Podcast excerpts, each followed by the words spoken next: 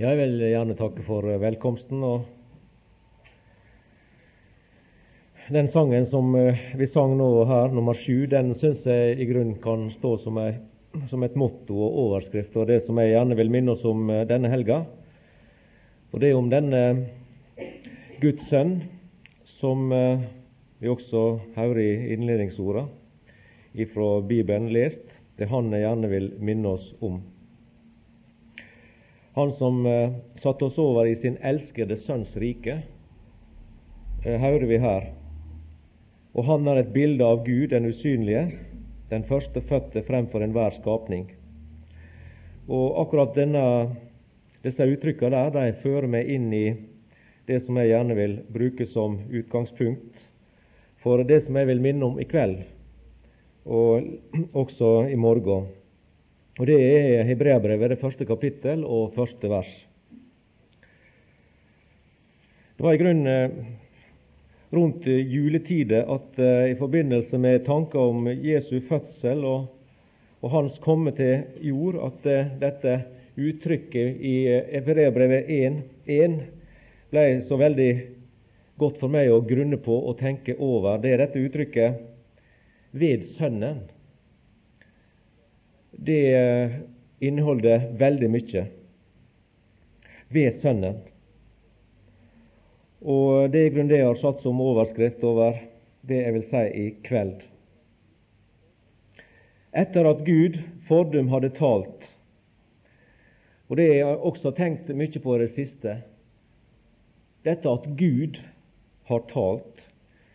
Vi som hører Kristus til, vi som er frelste, vi som er gått over ifra døden til livet, som er satt inn i denne elskede Guds Sønns rike. Vi tror på en Gud som taler, en Gud som har noe å si oss, en Gud som kommuniserer med sine.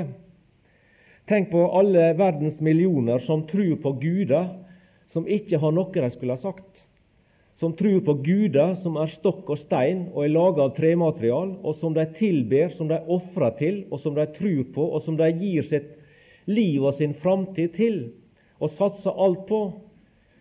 De sier aldri et ord. De roper til dem, de hører ikke. De ber til dem, de svarer ikke. Tenk bare på Elias og Balsprofetene på Karmelfjellet for lenge, lenge siden.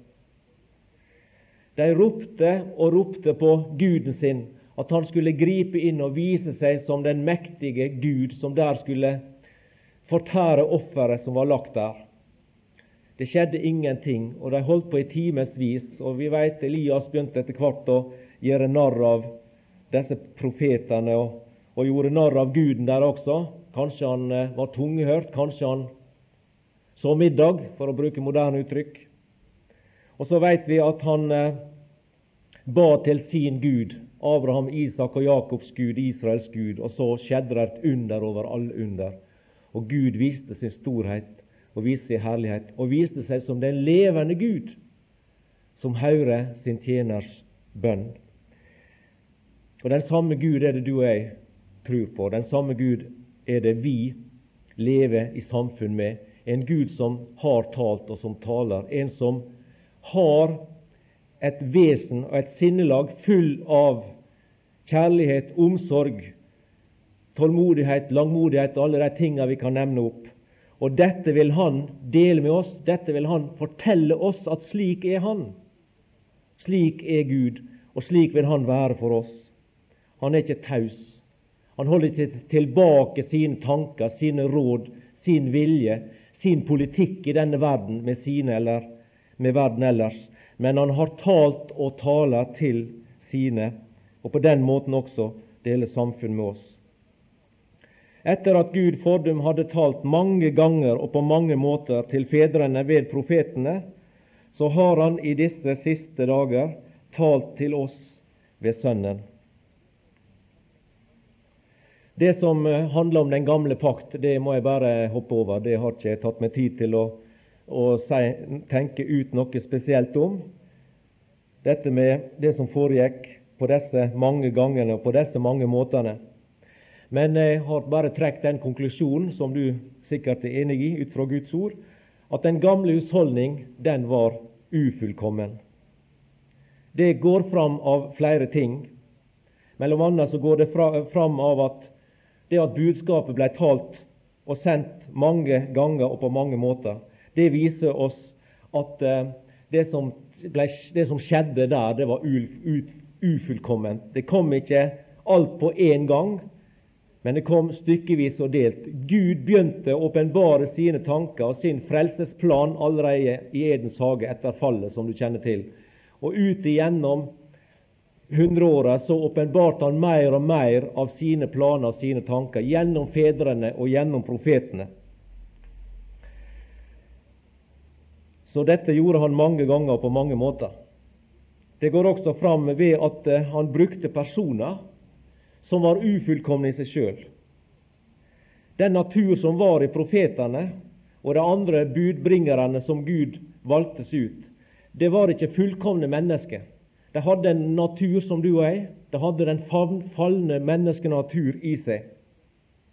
Men likevel så valgte Gud dem ut til å forkynne sitt budskap. De var begrensa. De var begrensa i tanke, de var begrensa i evne, de var begrensa i anlegg, de var begrensa i egenskaper. De var syndige, falne mennesker som du og jeg. Men likevel så brukte Gud dem, og det de vitna om, budskapet de kom med, det var et fullkomment budskap i den forstand at det var Guds budskap til folket i den tid de levde i. Og De hadde også et budskap som rakk utover deres egen tid, som vi kjenner til ut ifra Skrifta. At de sjøle var jo ivrige etter, sier Peter, å granske ordet og det de forkynte, for å finne ut hva slags tid det viste hen til i forbindelse med de profetiske budskapene. De skjønte at de talte utover samtida si, men de hadde ikke lys over rekkevidda av det de sjøle forkynte. Men de vitna om det fullkomne lys som skulle åpenbares i si tid, og Messias, Jesus, som skulle stige fram på arenaen men likevel, om den gamle pakt var ufullkommen, eh, så var den gamle pakts herlighet likevel stor, fordi at det var Guds pakt. Det var Gud som talte, også i den gamle pakts tid. Det var paktens Gud som talte. Det var den forsonende kjærlighet som åpenbarte seg også i den tid for mennesker, for Kristus skyld og i Kristus og gjennom dette talte Gud til sitt utvalgte folk, Israel. Han så fram Gud til eh, det som skulle komme, da han i tidens fylde skulle sende Sønnen, født av en kvinne. Det så han fram til, og så handla han ut ifra det. Og gjennom forskjellige bilder og gjennom forskjellige åpenbaringer og gjennom forskjellige handlinger så pekte Gud opp gjennom historia på dette Guds lam som skulle stige fram og bære verdens synd. Bare tenk på Abraham og Isak, når Abraham sier til sønnen sin der på Moria berg at Gud skal sjøl seg ut lammet. Gud sjøl skal sjå seg ut lammet. Ja, Gud hadde sett seg ut lammet. Og noen hundre år etterpå så sto der en mann ved Jordanelva og pekte på et menneske som kom gående der imot han, og så retta han alles oppmerksomhet imot det mennesket og sier sjå der, Guds lam, nå var han kommet, han som skulle bære verdens synd. Og på, for dette lammets skyld, for denne sin edbårne sønns skyld, var det at han også i den gamle pakt forkynte det glade budskap, kjærlighetens budskap, om nåde, om forsoning og forløsning som skulle finne sted i den sønn som skulle komme inn på arenaen i sin tid. Og Gud talte gjennom profetene og gjennom fedrene mange ganger og på mange måter til dette sitt utvalgte folk. Og gjennom Guds oppdragelse, gjennom sitt faderlige omsorg og kjærlighet som Gud viste til israelsfolket i med- og motgang, i tru og vantru, så lærte han dem, og så ledet han dem ved sitt ord gjennom ulike typer, gjennom ulike symbol, gjennom ei gradvis klarere og klarere åpenbaring av frelsessannhetene gjennom de profetiske budskap. Men nå sier ordet her. Det var da. Men nå er det noe nytt som er skjedd. Nå er det noe nytt som er på gang. Og det er at den midlertidige og ufullkomne åpenbaring, den er forbi. Den er tatt slutt. Etter at Gud fordum hadde talt mange ganger og på mange måter til fedrene ved profetene, så har Han i disse siste dager talt til oss ved Sønnen. Nå er den midlertidige åpenbaring forbi.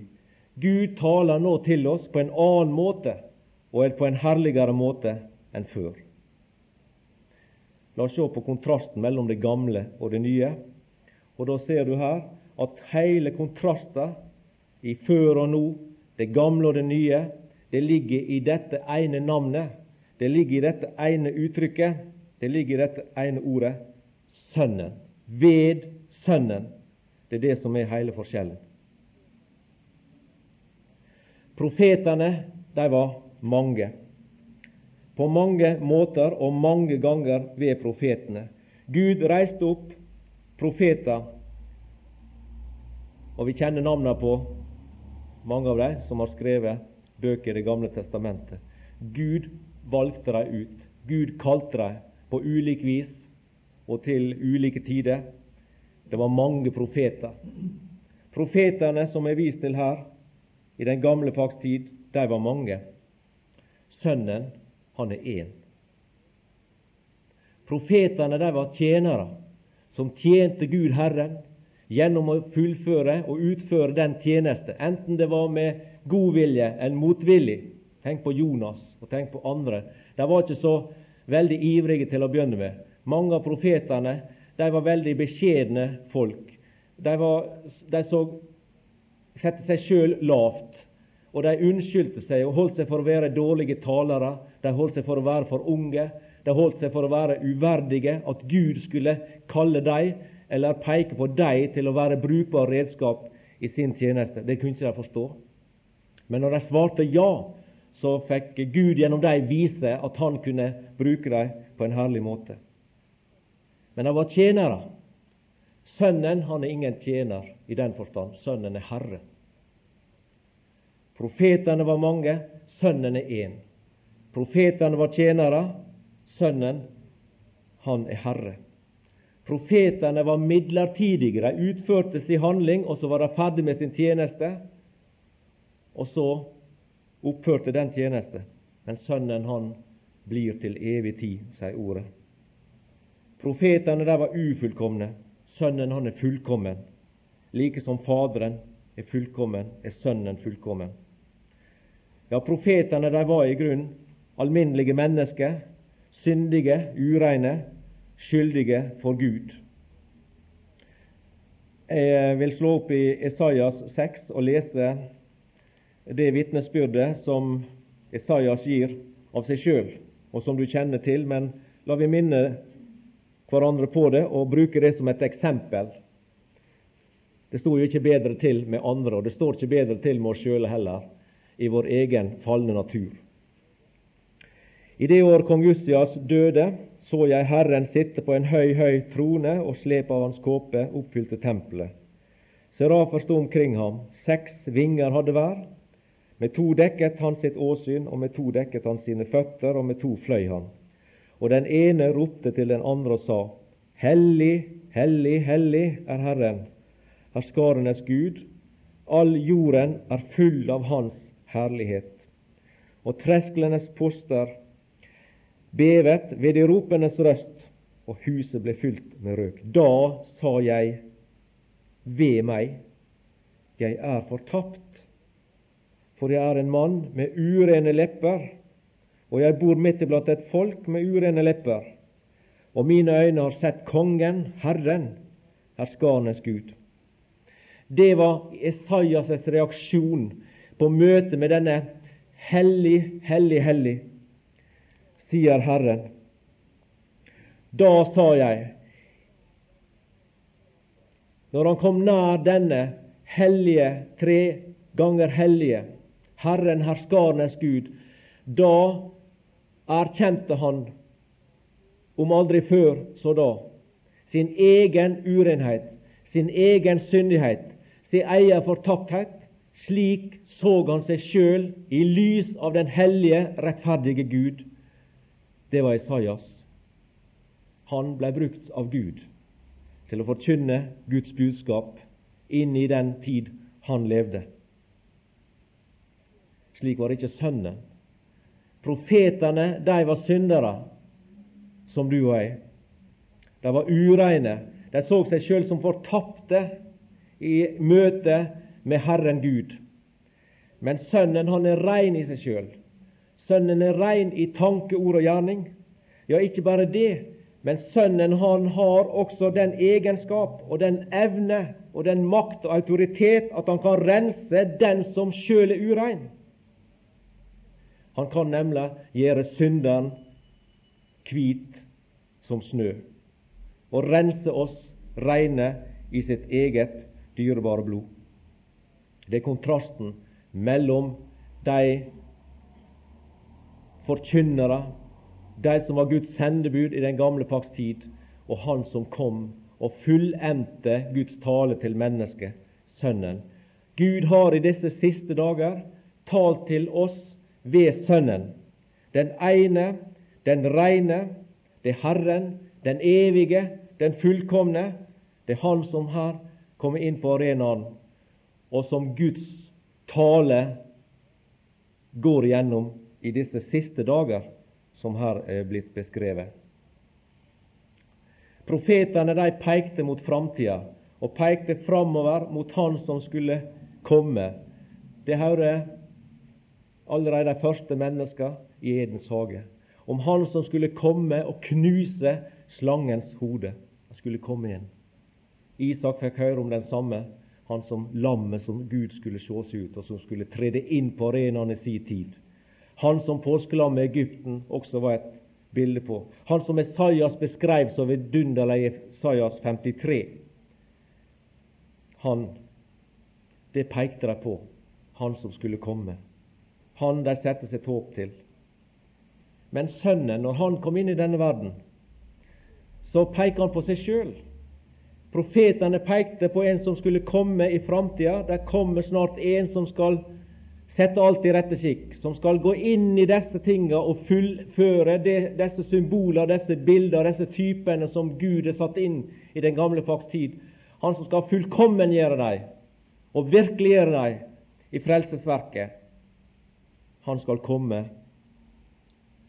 Så kom eh, Jesus inn i denne verden, og så peker han på seg sjøl, og så sier han her, her er jeg. Nå er jeg her. Midt iblant dere står en som dere ikke kjenner. Og denne personen som står midt iblant jødefolket i de åra der, han var det Gud talte til folket igjennom. Det er han og bare han som er profeten med stor P, for å si det på den måten. Gud han stiller spørsmål til mennesket, utfordrer mennesket. For eksempel kan vi lese et vers i, i Esaias 46, vers 5. Gud han stiller mennesket fram og sier, jeg utfordrer dere, kom igjen, gi meg svar. Har dere svar, så kom med det. Hvem vil De ligne meg med? Og hvem å stille meg sammen med. Har dere noe alternativ?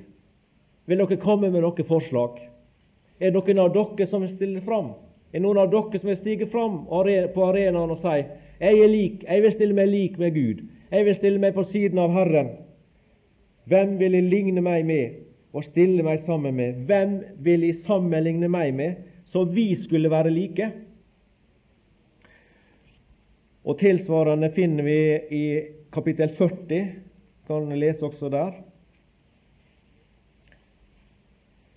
Vers 13 og 14 i kapittel 40. Hvem har målt Herrens ånd, og hvem lærer ham som hans rådgiver? Hvem har han rådført seg med, så han gav ham forstand og opplyste ham om den rette vei, og ga ham kunnskap og lærte ham å kjenne visdoms vei. Og videre så spør Gud mennesket, det stolte mennesket, som gjerne vil være noe, som gjerne vil opphøye seg sjøl til Gud og si vi klarer oss sjøle, vi kan leve uten Gud, vi detroniserer Gud.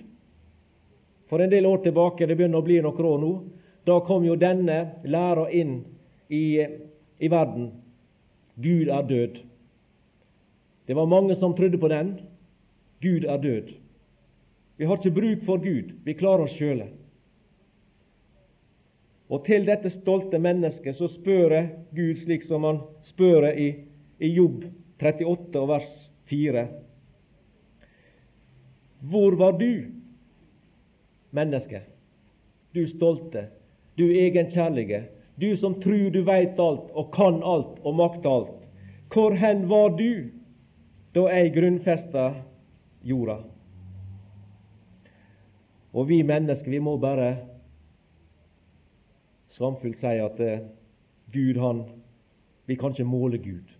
Vi kan ikke måle Herrens ånd. Vi kan ikke stille oss opp og være Hans rådgiver. Vi kan ikke ta Hans plass. Vi må erkjenne vår stilling, og vi må si oss enig med Esaias at Gud, han er den store, den allmektige, den vidunderlige, men på samme tid også den forferdelige.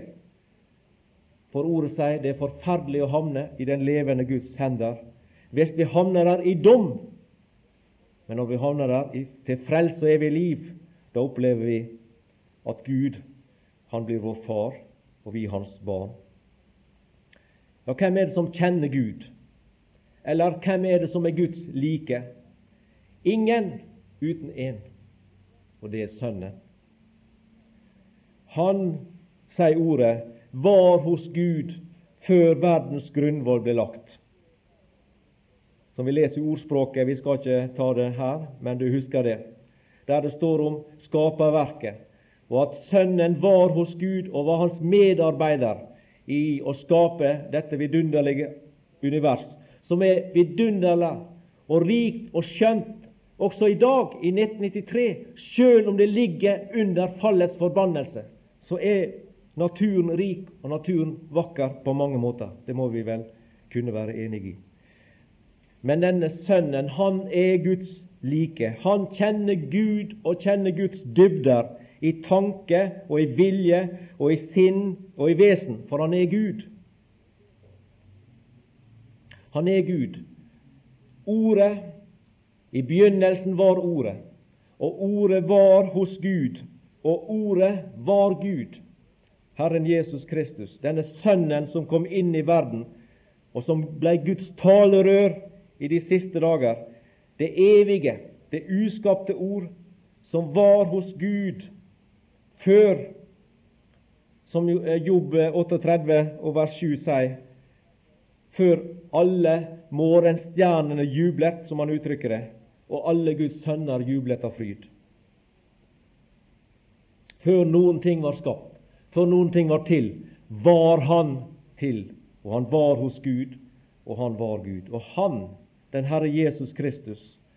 Han er det sanne og det trofaste vitne. For han taler det som han har sett, og han vitner om det som han kjenner. Og Bibelen sier at ingen kjenner Faderen uten Sønnen. Og Johannes sier videre i kapittel 1 og vers 18 at ingen har noensinne sett Gud. Den enbårne Sønn som er i Faderens skjød, han har forklart ham. Han har forklart ham. Derfor så kunne Jesus si at 'den som har sett meg, han har sett Faderen'. Fordi han er Faderens uttrykte bilde i denne verden. Ingen har noensinne sett Gud, men den enbårne sønn som er i Faderens skjød, han har forklart ham. Ja, Jesus han er ikke bare det sanne og trufaste vitne, men han er også Guds elskede sønn. Guds elskede sønn. Det var det vi las her i Hebreabrev 1. Så har han i disse siste dager talt til oss ved Sønnen. Ved Sønnen. denne enbårne sønn som Johannes løfter fram og sier, denne enbårne sønn, han som er i Faderens fang, han som er Faderens skatt, han som er Faderens lyst, han som Faderens velvilje hviler over, han som Faderens kjærlighet fra evighet av er retta seg imot, han som har vært med fra evighet av i alle Guds rådslagninger i den evige verden.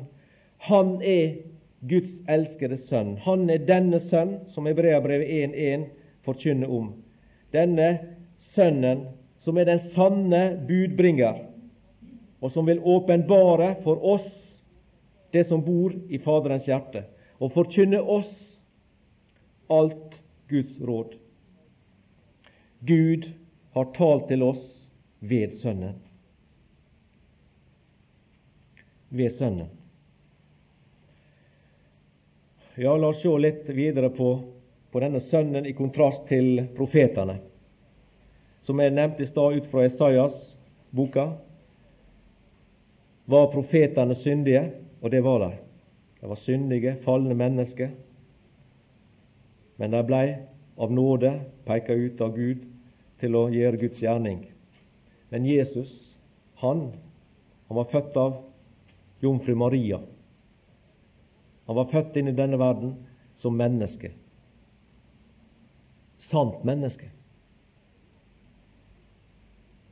Uten synd. Vi leser om, det lille vi leser om Jesus i, når det gjelder hans barndom og ungdom, det forteller oss han, at han vokste opp i visdom og i forstand, og han levde sitt liv i kjærlighet til sin himmelske Far, og i lydighet til sin himmelske Far. Og Hebreabrevet sier at han, han var uten synd. Det er bare ett menneske i denne verden, i den tid som er vært, i den tid som er nå, og den tid som vil komme.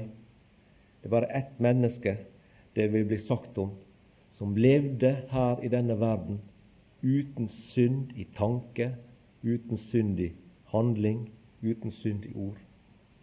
Og det er denne Guds elskede sønn. Sant menneske, det fullkomne menneske, menneskesønnen, idealmennesket, som Lukas løfter fram i sitt, sin evangelieberetning. Han som derfor, fordi han var det, kunne gå inn som vår representant i det frelsesverk som han skulle fullføre på Golgata, og som han, fordi han var Guds sønn, hadde makt og styrke og kraft til å gjennomføre. Var profetene avhengige av Den hellige ånd? At Den hellige ånd skulle komme over dem og inspirere dem når de talte og når de skrev? Ja, det være avhengig av.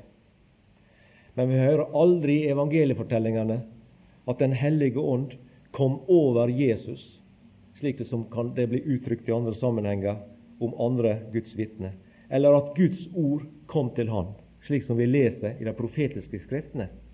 At Guds ord kom til profeten som sa sånn og sånn. At Guds ord kom til den og den, og så lydde det slik og slik.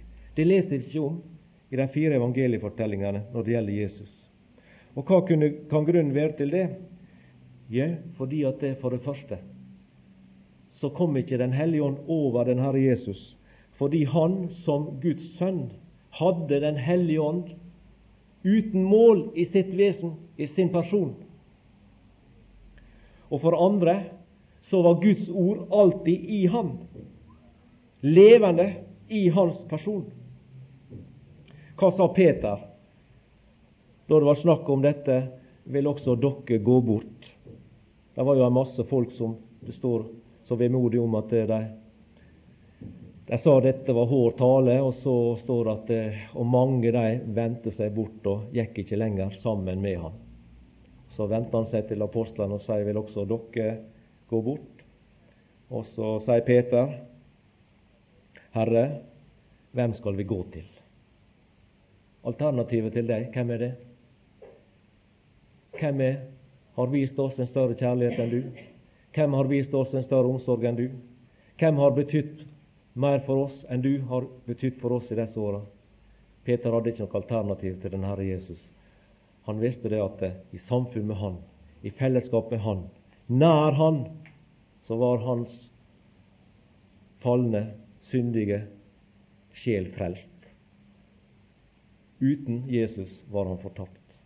Og så sier han, som et fint vitnesbyrd, du har det evige livs ord. Han sa ikke, som eh, han kanskje hadde ville sagt hvis det var en av profetene, at jeg vil eh, fortsette å holde meg sammen med deg, Elias, Esaias, Jeremias, fordi du forkynner Guds ord. Du taler Guds ord. Men eh, Peter han sa du har. Han sa ikke du taler, men han sa du har det evige livsord. Og det forteller meg at Jesus, han hadde det i sitt sinn, i sitt vesen, i sin personlighet, som sin eiendom. Det var hans. Ordet han talte, det var hans ord. Det var hans eiendom. Han ga det til deg, men det var hans. Han talte ikke ord som andre eide. Han talte ikke ord på Guds vegne i én forstand, men de ordene han talte på Guds vegne, var også hans ord, fordi han hadde det evige livs ord. Han var jo Ordet, tok bolig iblant oss da han kom inn i denne verden, født som et menneske inn i vår verden. Da ble Ordet kjøtt og tok bolig iblant oss. Og Når Jesus talte, så talte han ordet. Han talte av det han sjøl var, for han var ordet. Og så sier Peter, du har det evige livs ord. Profetene de sa, så sier Herren. Og så kom det hva Herren sa. Jesus han sa, sannelig, sannelig, sier dere. Jeg sier. Ikke så, sier Herren, men jeg sier dere og så forteller han hva han sier.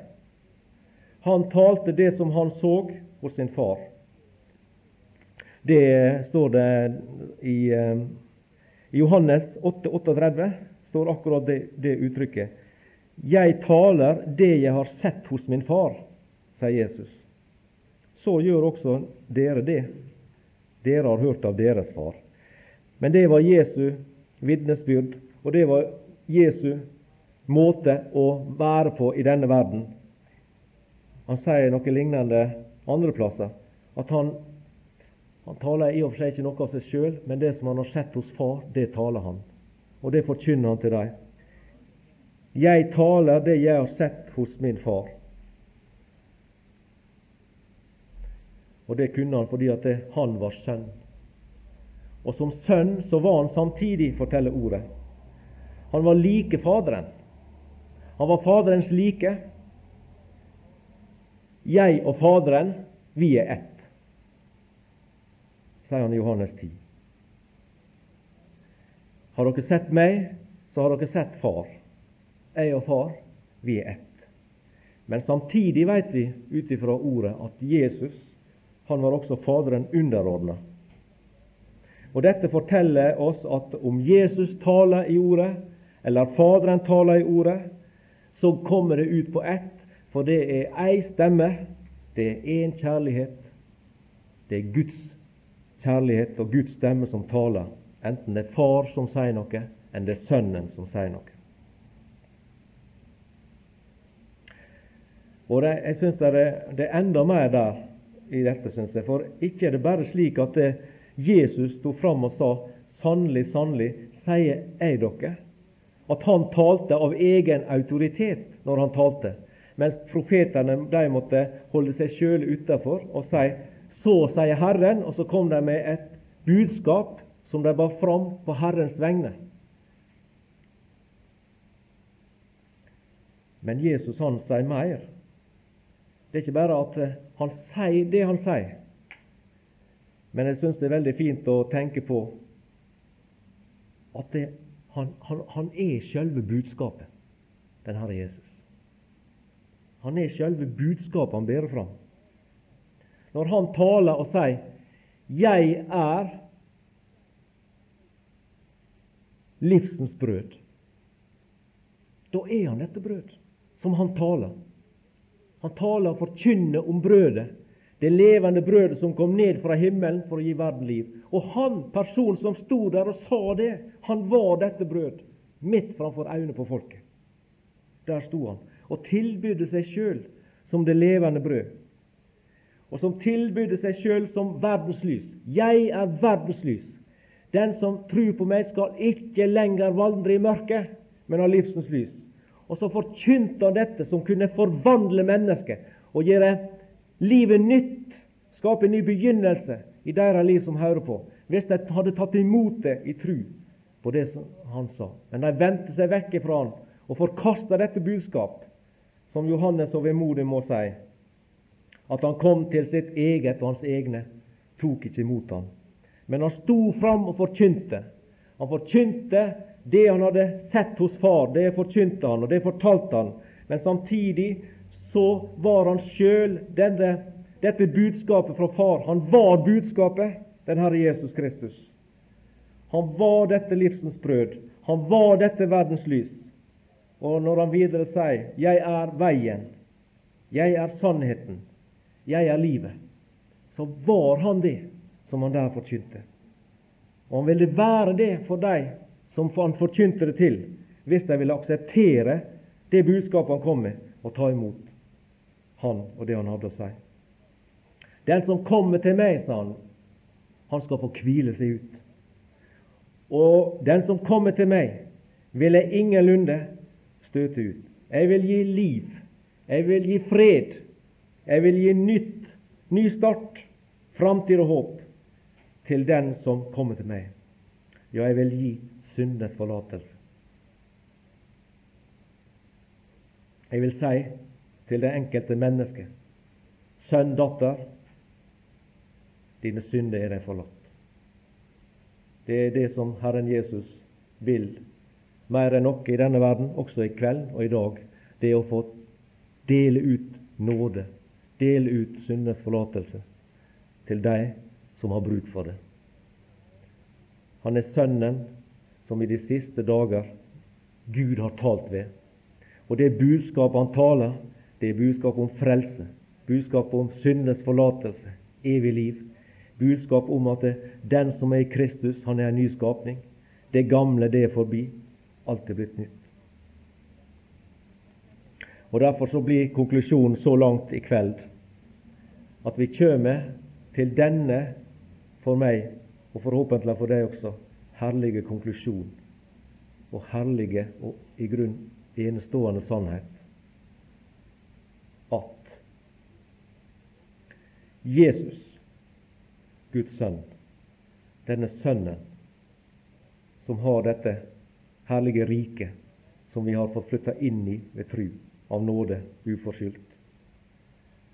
Han ikke bare forkynner oss Faderens budskap, men han er Faderens budskap til mennesker. Og det betyr enkelt sagt at alt Gud har å si til oss, det er gjemt i dette ene ord Jesus. Gud har ingenting å si utenom det. Alt Han sier, det sier Han i Hans person, i det dette navnet betyr, og det det gjør og virker. Guds tale til oss er knytta til Jesus. Det er sant som vi synger en sang, at alt det du trenger for himmel og jord, det er gjemt i det ene ord Jesus. At det er flere også her på Åkra, på Valdrøy og alle andre plasser, får bruk for dette navnet i tida framover. Frelsernavnet Jesus. Der tenker jeg vi gir oss i kveld, og så, om Gud gir nåde til det, så fortsetter vi i morgen der vi stanser her. Ja, Herre Jesus, jeg vil takke og prise deg fordi at du i disse siste dager har talt til oss ved Sønnen, denne herlige, elskelige, enbårne Sønn som kom inn i, i denne verden som frivillig og uten å akte det som et rov å være deg lik, ga avkall på det. Og så kom du, Herre, i menneskers lignelse. Fornedra du deg sjøl og ble lydig inntil døden, ja, korsets død, for å redde mi fortapte sjel. Det takker jeg for, Herre. Takk for at eh, du kom og gjorde soning. Du kom og betalte min skyld og min gjeld. Jeg som i, i lys av din hellighet og din rettferdighet måtte rope ved meg er fortapt. Jeg kan nå rose meg i Herren og si at ordet om korset, det er blitt meg kraft til frelse. Takk for hver enkelt som er her, Herre, ung og eldre, som du har fått frelst. Takk for at eh, du vil at alle mennesker skal bli frelst.